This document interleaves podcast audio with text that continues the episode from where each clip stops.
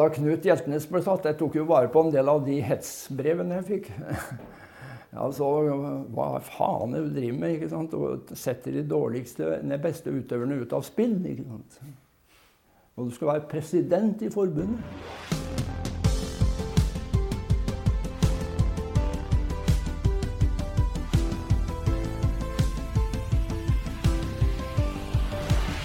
Visste du at Norge var et av de aller første landene som gjennomførte dopingkontroller utafor konkurranse?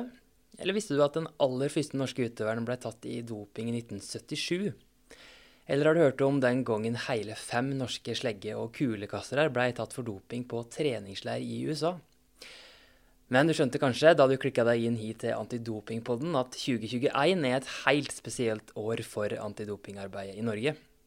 Vi kan nemlig si at antidopingarbeidet har et 50-årsjubileum her i landet i år. Og det vil vi markere ved å gå gjennom historia og utviklinga til dette svært viktige arbeidet for å holde idretten ren og rettferdig. Og du får historier du garantert ikke har hørt før. Jeg heter Gjermund Erikstad Midtbø og jeg er programleder. Og for å fortelle historia så har vi invitert flere gjester som har vært sentrale i disse åra og har gode historier på lager. Og for å binde det hele sammen, så er vi så heldige å ha med oss en professor i idrettsfilosofi og idrett og etikk. Han har ikke sjøl jobba direkte med antidopingarbeidet, men har fulgt dette arbeidet tett i mange år. Sigmund Loland, du er professor ved Norges idrettshøgskole og har i mange år òg sittet i Verdens antidopingbyrå WADA sin etiske komité. Velkommen. Takk for det. Du, eh, Vi stiller jo alle gjester i Antidopingpodden spørsmål om hva det første de tenker på når jeg sier ordet doping, og jeg må stille det til deg òg. Eh, det første jeg tenker på da, er at doping truer vår idé om hva idrett handler om. Den grunnleggende ideen hva idrett handler om. Det er dopingtrusselen. Det dreier dopingtrusselen seg først og fremst om. Mm. Enkelt og greit. Du, I dag så skal vi ta for oss historia. De store milepælene, de største dopingsakene. Og de store analysegjennombruddene og hva det har ført til til her i dag. Vi har delt historia inn i to episoder, og tar denne episoden for å starte den og gå fram til tusenårsskiftet og se på Norge og antidopingarbeidet her. Men naturlig nok så har vel det som har skjedd her, det har vel ofte da blitt prega av det som har skjedd internasjonalt. Ja, det har det. Og framveksten av doping som problem i etterkrigstiden, egentlig. Men et, et problem som vekker oppmerksomhet på 60-, 70-tallet og utover, eh, det henger jo sammen med mange ting. Det henger sammen med en farmasøytisk utvikling. Du har nye stoffer som vi vet mer om, som kan fremme prestasjon. F.eks. produksjon av syntetiske eh, anabole steroider. ikke sant? Og, eh, og EPO litt seinere. Mm. Det henger sammen med at idretten blir kommersielt mer interessant. Flere satser. De satser hardere. Konkurransen blir tøffere. Flere er villige til å gå lenger for å få den lille marginale forskjellen som gjør at de kan ha suksess. Det henger igjen sammen med at eliteidrett blir et av verdens mest populære underholdningsprodukt på TV. TV utbres blant folk. Mm. TV blir allemannseie på 60-tallet. De første TV- og sendte olympiske leker var så vidt jeg husker 1960 i Roma. Og så sprer TV seg. Det blir et kjempekommersielt marked. Pengene strømmer inn. Sponsorkontrakter, TV-kontrakter. Gevinstene både prestisjemessig og kommersielt med idrettslig suksess blir veldig store. Og i et sånt system så er det alltid noen som er villig til å gå litt lenger enn andre. Og da skjønte vi i Norge òg at vi nå måtte starte med et antidopingarbeid. Og for 50 år siden, altså, i 1971, så skjer startskuddet for antidopingarbeidet her til lands. Og da hadde jo skjedd en del internasjonalt. En hadde forstått at det foregikk doping i, i, flere idretter. Og i 71 så er det idrettsting i Norge da, som så kommer en uttalelse at eh, nå skal idretten ta avstand fra bruk av stimulerende midler for å øke prestasjonene. Og det ble vedtatt to år etterpå. Og det, det ser vi på da, som, som startskuddet for, eh, for, antidopingarbeidet i Norge. Vi skal ta med oss én person til inn i episoden. Vi får jo ikke plass til alle som har betydd mye for antidopingarbeid i Norge i podkasten, men en vi er nødt til å få plass til, det er Hans B. Skaseth. For når jeg har spurt kollegaene mine her i Antiopi Norge, og andre som kjenner arbeidet godt, så sier alle at det er han som har betydd kanskje aller mest for, for det norske antidopingarbeidet opp igjennom. Og det er nesten vanskelig å oppsummere alle roller han har hatt. Han har bl.a. vært formann i Friidrettsforbundet, Idrettsforbundet, hatt flere internasjonale verv, bl.a. i Det europeiske friidrettsforbundet, og ikke minst så var han ekspedisjonssjef i Kulturdepartementet. Nå er han 85 år, og vi gjorde et intervju med han i 2019 som du skal få et par drypp fra i episoden. Og her forteller Skaseth hva som skjedde da idrettsstyret forsto at de måtte begynne å kjempe mot eh, doping. Forut for tinget i 69 så var jo noen av oss som snakket om det som var de nye trekkene ved idretten. Og det, nå skal jeg ikke gå i detaljer der, da, og ikke tilrane meg mer oppmerksomhet enn nødvendig, men altså, da ble det en uttalelse fra idrettstinget i 1970. Og den står på føttene, altså. Den står i dokumenter, så det er lett å hente frem. Verbalt kan vi si, bør den gjengis, for den tar da opp at uh, hvis idretten liksom begir seg inn i denne porteføljen av medisinsk hjelp og manipulering, så går den til grunne på en måte. Det utspillet var gjort da. Og de fleste som var med og vedtok den uttalelsen, de lurte på hvor kaffen var, eller hvor Altså skjønte ikke hva som var på gang, fordi at de hadde ikke noen erfaring ikke sant, fra hva det var som var det internasjonale bildet. Jeg hadde vært friidrettstrener på den tida og vært med på friidrettskongresser kan vi si, for trenere i Europa. Og hadde hørt og snakket eh, slik at var, jeg var lada med en forestilling om at dette går ikke bra. Hvis det bare får gå. Vel, vel. Ja, Hans B. Skaseth var jo med på denne prosessen på, på starten av 70-tallet sjøl, men hvorfor kom det akkurat i 1971, Sigmund? Vel, eh, på slutten av 60-tallet, jeg husker ikke eksakt årstall, men IOCs medisinske komité blir i økende grad oppmerksom på problemet. Og i internasjonal idrett var vel bl.a. østtyskerne ledende i å iverksette systematiske dopingprogram. Av politiske grunner, egentlig. Ikke av kommersielle den gangen, men for å vise at det sosialistiske mennesket var det kapitalistiske mennesket overlegent. Det var et ideologisk prosjekt, faktisk. At toppidretten tjente statens og ideologiens interesser. Og med den økende framskrittene innenfor farmasi og teknologi, så så man da at en del stoff kan brukes veldig effektivt for å fremme idrettsprestasjoner. Dette blir det oppmerksomhet omkring på slutten av 60-tallet, og med den enorme østtyske fremgangen i internasjonal idrett. Og dermed så får idrettsledere, idrettsmedisinere, en sånn ubekvem følelse av at her er det noe rart, her er det noe galt. Her er det en utvikling vi ikke har sett tydelig før, og som vi ikke er forberedt på. Her må vi sette ned foten. Så det var, det var, det var på tide å gjøre noe med det òg i Norge da?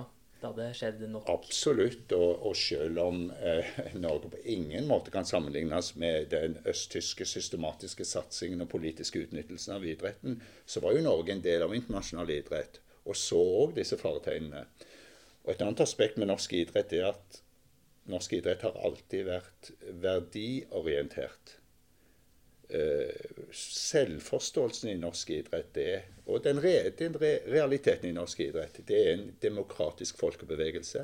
Det er en enhetlig organisasjon, til forskjell fra mange andre land. Det er ganske spesielt. Den er som sagt demokratisk, med bygd opp rundt klubbsystem, der frivillighet står viktig, og der idretten alltid har sett på seg sjøl som en viktig samfunnskraft. Og en institusjon og en aktivitet som skal bidra utover selve idrettsaktiviteten. Så norsk idrett var nok ganske sensitiv for verdiutfordringer. Det er en annen side vi må ta med når vi ser på norsk idretts kamp mot doping. Men eh, Sigmund, det tok faktisk seks år før den aller første dopingkontrollen skjedde i Norge. da. Det var 24.6.1977.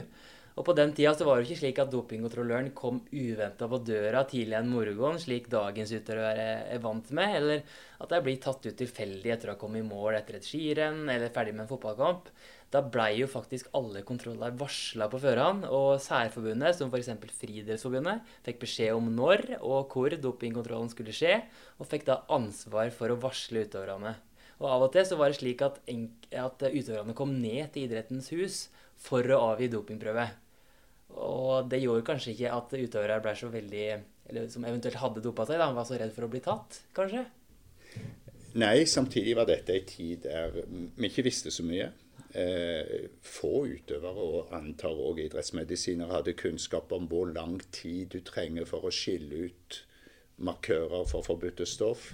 Vi hadde lite kunnskap om maskerende midler ikke sant, som dekker til doping, bruk av doping. Så det var naivt på en måte. Men det var lite kompetanse der ute, og lite kompetanse i organisasjonen. Men det var jo et signal. Og alle sånne signaler har en forebyggende effekt. Det var en markering av at her er det et uønska element i idretten som vi vil gjøre noe med. Så det er jo en begynnelse. Og Hans B. Skaseth han var jo med på denne reisa fra varsla kontroller til uanmeldte dopingkontroller. Det ble jo tidlig klart for oss at vi måtte ha adgang til å teste også utenom konkurranser. Og ikke bare det, men vi fikk jo vedtak etter hvert gjennom 78 og 80 og 82. Altså alle, hvis man ser på, ser på, eh, på, ser på eh, protokollene fra tingen Jeg har et par med meg, men jeg skal ikke dra dem frem. Bare for å vise at saken var fremme hvert, hver gang. Og, og, den ble tatt altså løftet opp da, slik at man får testing utenfor konkurranser Eh, og det ble regler, eh, rimelige regler for det. I dag er det altså eh, en regel det står litt strid om, men altså den startet jo i Norge ved at det var adgang til å teste utenfor konkurranser. Det var Og utøverne kunne ikke motsette seg det hvis de ville være inne i idretten. Det var også regler om det at hvis noen prøvde å jukse ved å gå ut, melde seg ut av idretten for å slippe testing, så skulle de, hvis de hadde tanke om å komme tilbake, måtte testes i utested, den tiden de var ute. Altså, De kunne ellers ikke komme tilbake. Og I 1977 så ble den første norske utøveren tatt. Knut Hjeltnes han var diskos- og kulekaster, og hadde året før blitt nummer sju i OL i Montreal. Men sommeren 77 så ble han altså tatt for eh, bruk av anabole steroider. Han ble utestengt i ett år, og han innrømte det sjøl. Men det var ikke bare lett å, å, ta en av landets eh, beste utøvere i doping. Det å drive antidopingarbeid i Norge var ikke noen spøk. For da Knut Hjeltnes ble tatt, det var jo ingen forståelse på knapt nok i idrettsstyret, og ikke på særforbundshold, for hvorfor de brukte fem millioner. De, tror, de hadde behov for de penga til å trene. Og da Knut Hjeltnes ble tatt Jeg tok jo vare på en del av de hetsbrevene jeg fikk. Altså, hva faen er det du driver med? ikke sant? Og setter de dårligste, de beste utøverne ut av spill. ikke sant? Og du skal være president i forbundet. Ja, det var den slags oppringning. Det var ganske opprevet. Jeg var shaky, selvfølgelig. På den tid. For du var ikke trent til liksom, Du trodde at alle skjønte nødvendigheten. Men det var jo aldeles ikke tilfellet, altså. Og jeg er ikke så sikker på fortsatt om det er alle som skjønner nødvendigheten. Heller ikke her til lands. Ja, ingen spøk å drive antidopingarbeid på 70-tallet, altså. Og det er på tide å ta inn en ny stemme her i Antidopingpodden. Nå skal du få møte Peter Hemmersbakk, som har vært helt sentral i arbeidet med å analysere dopingprøver. Bl.a. i en lang rekke olympiske leker. Han var til og med på plass på det mye omtalte laboratoriet i Sotsji i 2014. Professor Hemmersbakk var leder av Norges laboratorium for dopinganalyse fra midt på 80-tallet til 2015 som hørte, så, så ble jo Hjeltnes da tatt for anabole steroider. Og det å kunne avsløre disse steroidene, det var det første store analysegjennombruddet. Altså, vår laboratoriehistorie som akkreditert laboratorium begynte jo i 1988. Men når det gjelder utvikling av dopinganalysene, så vil jeg si at 1972 under de olympiske lekene i München.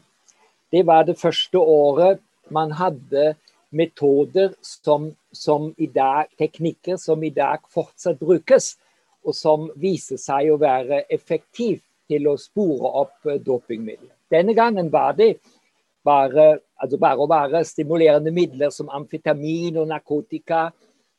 Men i løpet av 70-tallet så ble det jo klart at de anabol-androgene steroidene, de muskeloppbyggende stoffene, ble mer og mer eh, aktuelle. Så utviklingen, også å kunne analysere dem, det begynte jo, eller det, det tok fart på 70-tallet. Og jeg vil si i slutten av 70-tallet så, så, hadde man egentlig metodene. De ble forresten forbudt i 1976, så like før Montreal-OL. Men der kunne, man, der kunne, man, ikke teste de uh, så godt uh, ennå. Men fra 1980 så var teknikken egentlig utviklet. Men så gjennom hele 80-tallet her så var, var, Norge i forkant eh, i forhold til resten av, av internasjonale arbeidet? Ja, når det gjelder eh, utførelse av dopinganalyse og regelverk, vil jeg si ja. Jeg kom jo i 84 til Norge.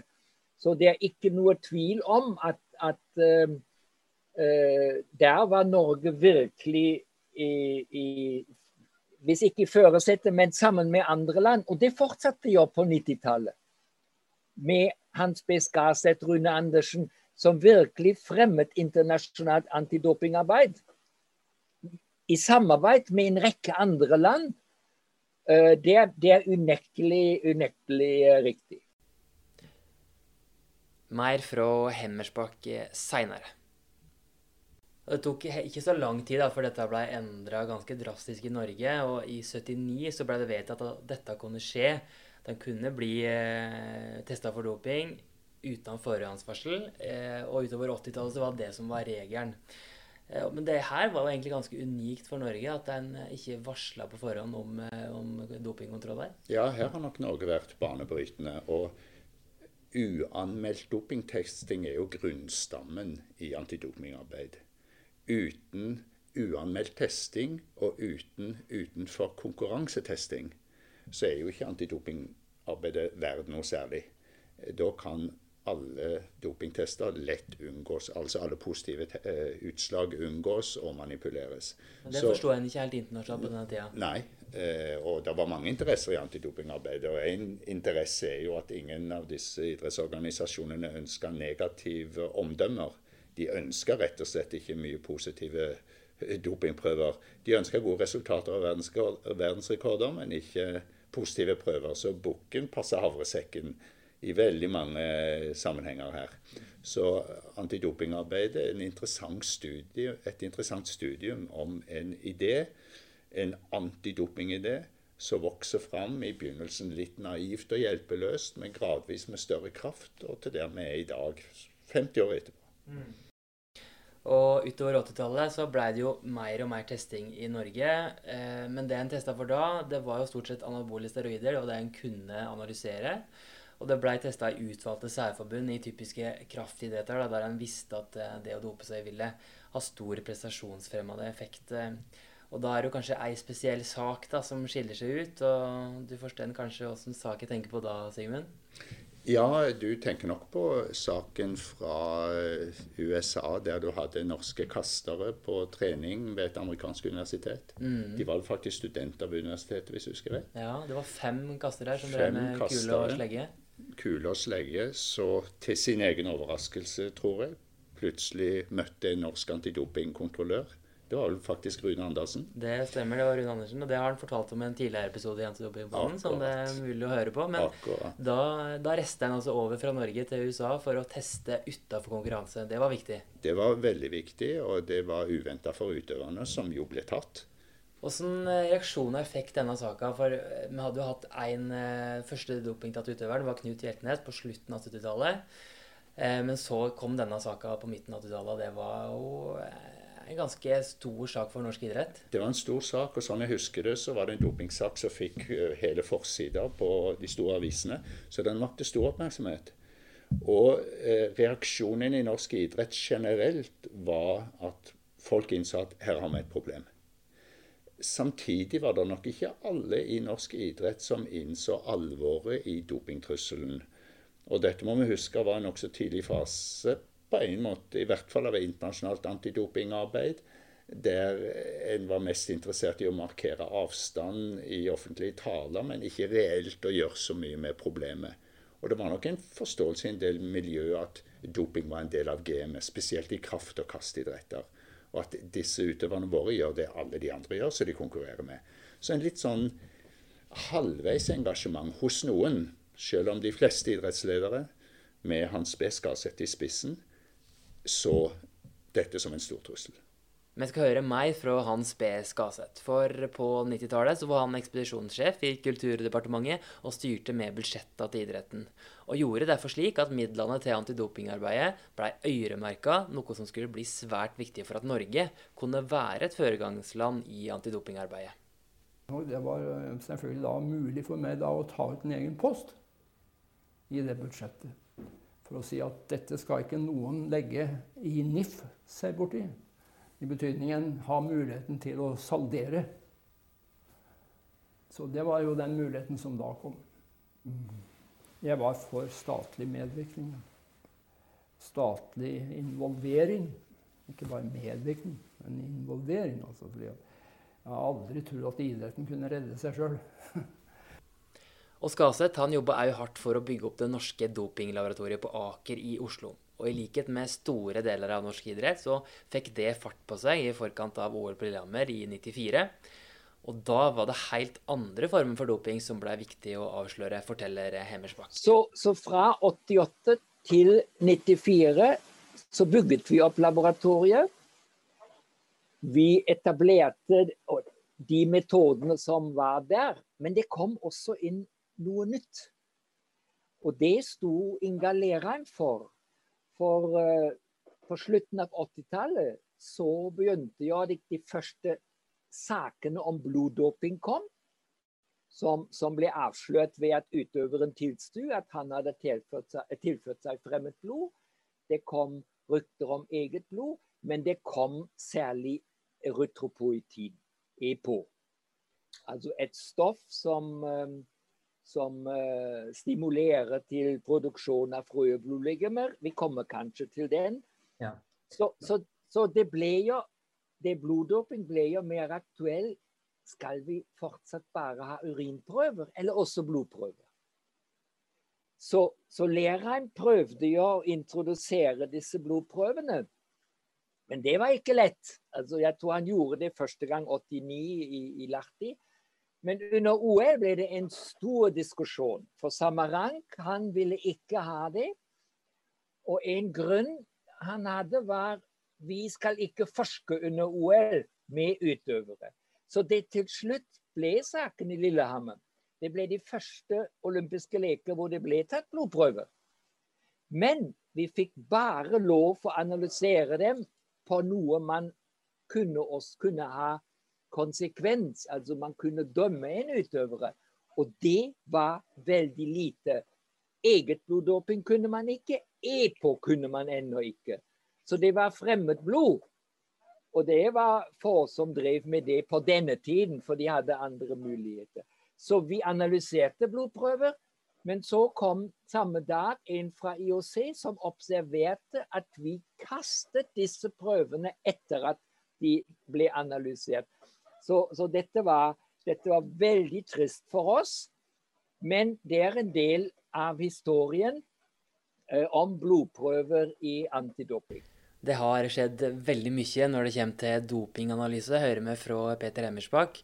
Og vi skal la han få oppsummere de aller viktigste milepælene når det kommer til dopinganalyse. Jeg har holdt mange foredrag hvor jeg definerer sånne milepæler i antidoping. Og da er det Ben Johnson med på 80-tallet, steroiddoping.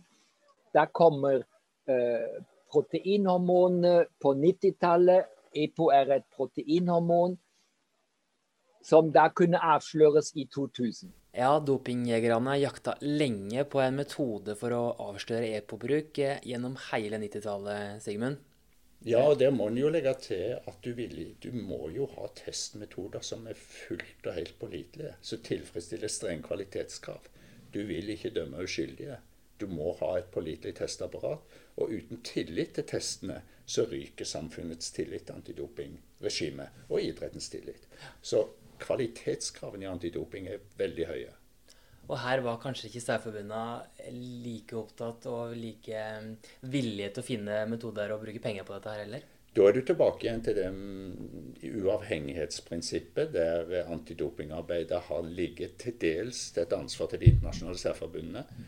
Og de har flere agendaer. Eh, de selger et produkt, et underholdningsprodukt, Tour de France, profesjonell sykkelløp f.eks. Eh, de er avhengig av et positivt omdømme.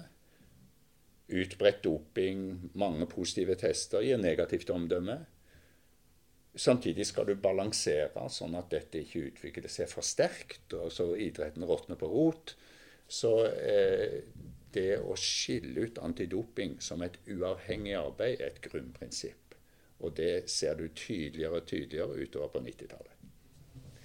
Det gjorde vi, og da fikk vi jo de største skandalene i slutten av dette tiåret her, og, som òg nok hadde mye med denne opprettelsen av eh, verdens antidopingbyrå WADA.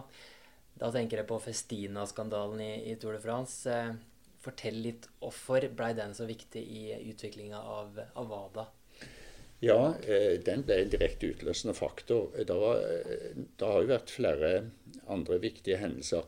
Vi har ikke snakket om Seoul de olympiske lekene i Seoul i 1988, der den 100-meterfinalen, som jo er en av de mest sette begivenhetene i idretten, eh, ender opp med en vinner som setter en ekstrem verdensrekord, og så er full av dop. altså eh, Ben Johnson, canadieren Ben Johnson, som igjen førte til en stor eh, rapport om dopingbruk i idrett i Canada og internasjonalt. Og det satte virkelig antidoping på det idrettspolitiske kartet. Og det store idrettspublikum ble klar over at det, her har idretten et problem. Og Framover på 90-tallet så økte den erkjennelsen, og så kommer Festina-skandalen. Så erkjennelsen av at doping var et problem i internasjonal eliteidrett, har vært der ganske lenge. Det som blir så tydelig med Festina-skandalen, som handler om altså doping i profesjonell sykkelritt, Tour de France Festina var et sykkellag en av eh, i det medisinske støtteapparatet blir tatt på grensen mellom hvis jeg husker rett, Belgia og Frankrike med en bil full av dop. Og så rulles det opp en historie om systematisk dopingbruk over tid. Ikke bare i Festina-laget, men i profesjonell sykkel generelt. Uten at noen har tatt ordentlig tak i problemet. Og tydeligere enn noen gang så ser man at skal man ha et troverdig antidopingarbeid i internasjonal idrett, så må det skje på uavhengig basis. Idretten sjøl håndterer ikke dette problemet på en ordentlig måte. Sånn sett var Festina-skandalen veldig viktig for det som nå skulle bli WADA. Ja, Festina-skandalen var en av mange store dopingskanaler på slutten og rundt tusenårsskiftet.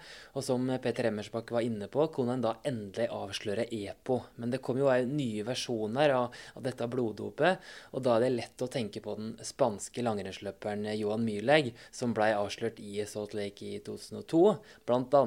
av nettopp Hemmersbakk. Og ryktene gikk at nei, dette kan ikke analyseres. Eh, og andre sa tiden er altfor kort til OL. Så hvorfor mulig tok denne Han var klar over det at hvis det kan analyseres, så blir det oppdaget. Så jeg vil jo påstå, og jeg var egentlig med på høringen i hans sak i Salt Lake City, at han trodde at det ikke kunne analyseres. Men den utviklingen at pasientene nå bare måtte sprøyte seg ikke lenger tre ganger i uken, men bare én gang i uken, betydde jo også at den satt lenger i kroppen. Så for dopinganalysen var jo det, det en fordel. Men Mulek hadde blitt tatt også uh, med det gamle EPO, fordi han ble jo tatt under OL. Han tok det jo under OL. Og vi så jo hvordan det gikk. Så, så dette var uten tvil et gjennombrudd. Og det gikk jo videre. Det ble videreutviklet EPO.